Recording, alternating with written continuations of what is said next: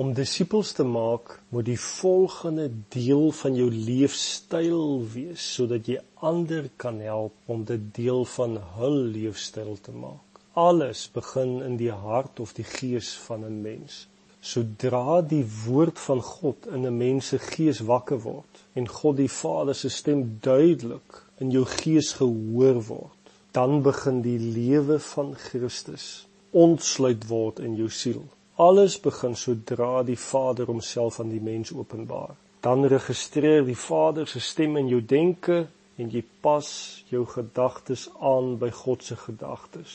Dit is waar Romeine 12 vers 2 sê dat ons verander word deur die hernuwing van ons denke. Verandering in ons lewe vind plaas sodra ons gedagtes in gehoorsaamheid tot die woord gebring word. Maar dis nie die einde van die proses in ons lewe nie wanneer jy duidelikheid in jou denke het oor die Vader se hart en sy wil vir jou lewe, volg jy dit gehoorsaam na met sekere besluite ten opsigte van jou doen en late. Dit moet jou handelinge, jou manier van lewe beïnvloed. Sonder dat jy besluit met jou wil, gaan jy net opeindig met nuwe insigte, maar geen vordering of lewensverandering beleef nie. Vyf klein voeltjies sit op die heining en drie besluit om weg te vlieg.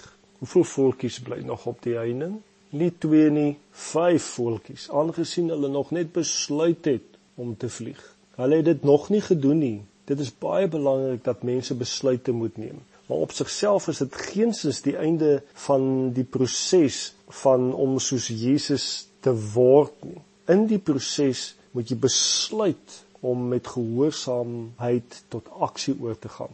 En dit is hier waar die meeste mense afdwaal, faal, aangesien dit baie maklik is om oor dinge te praat, maar hulle neem nooit aksie nie. Gerieflikheidshalwe slaan mense hierdie fase van gehoorsaamheid oor, maar dan gaan jy nooit verandering in jou lewe, transformasie beleef nie.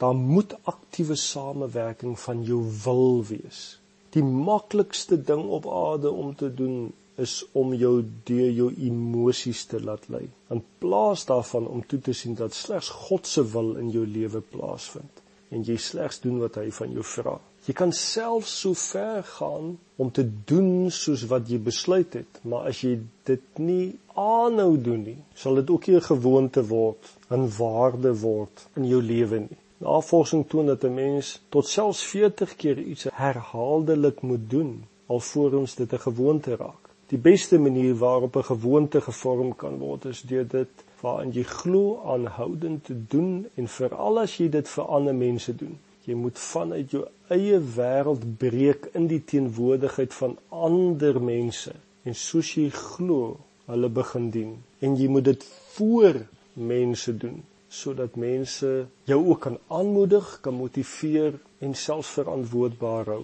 Sodra ons 'n gewoonte in ons lewens koester, word dit inderdaad 'n waarde. Waardes is gewoontes wat vasgelê is en is so persoonlik deel van jou dat dit tweede natuur vir jou begin word. 'n Waarde is nie 'n geheime leefstyl nie. Dis 'n publieke leefstyl wat voor en bovenal teenoor alle mense gelewe word. Alleenlik dan kan ons begin praat oor 'n vasgestelde leefstyl.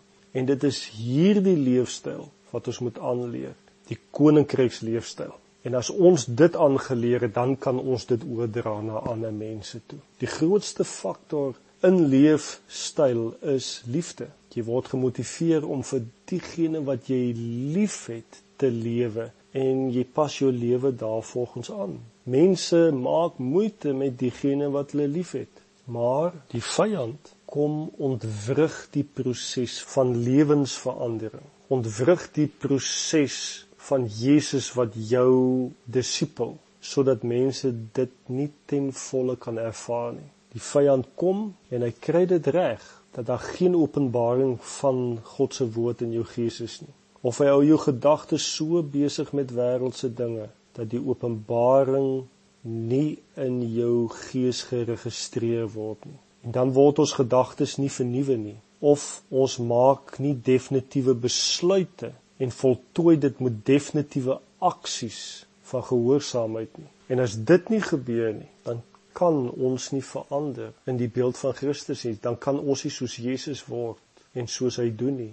Weerstaan die werke van die vyand. En hier moet jy mooi na die Here luister. Vlug van alles wat keer dat jou gedagtes nie op God gerig is nie. Alles wat keer dat jy nie gehoorsaam, nie definitiewe besluite neem. Identifiseer dit en vlug daarvan weg, want Christus wil jou verander om soos Jesus te wees en soos Jesus te doen, sodat jy weer ander sal help om soos Jesus te wees en soos Jesus te doen.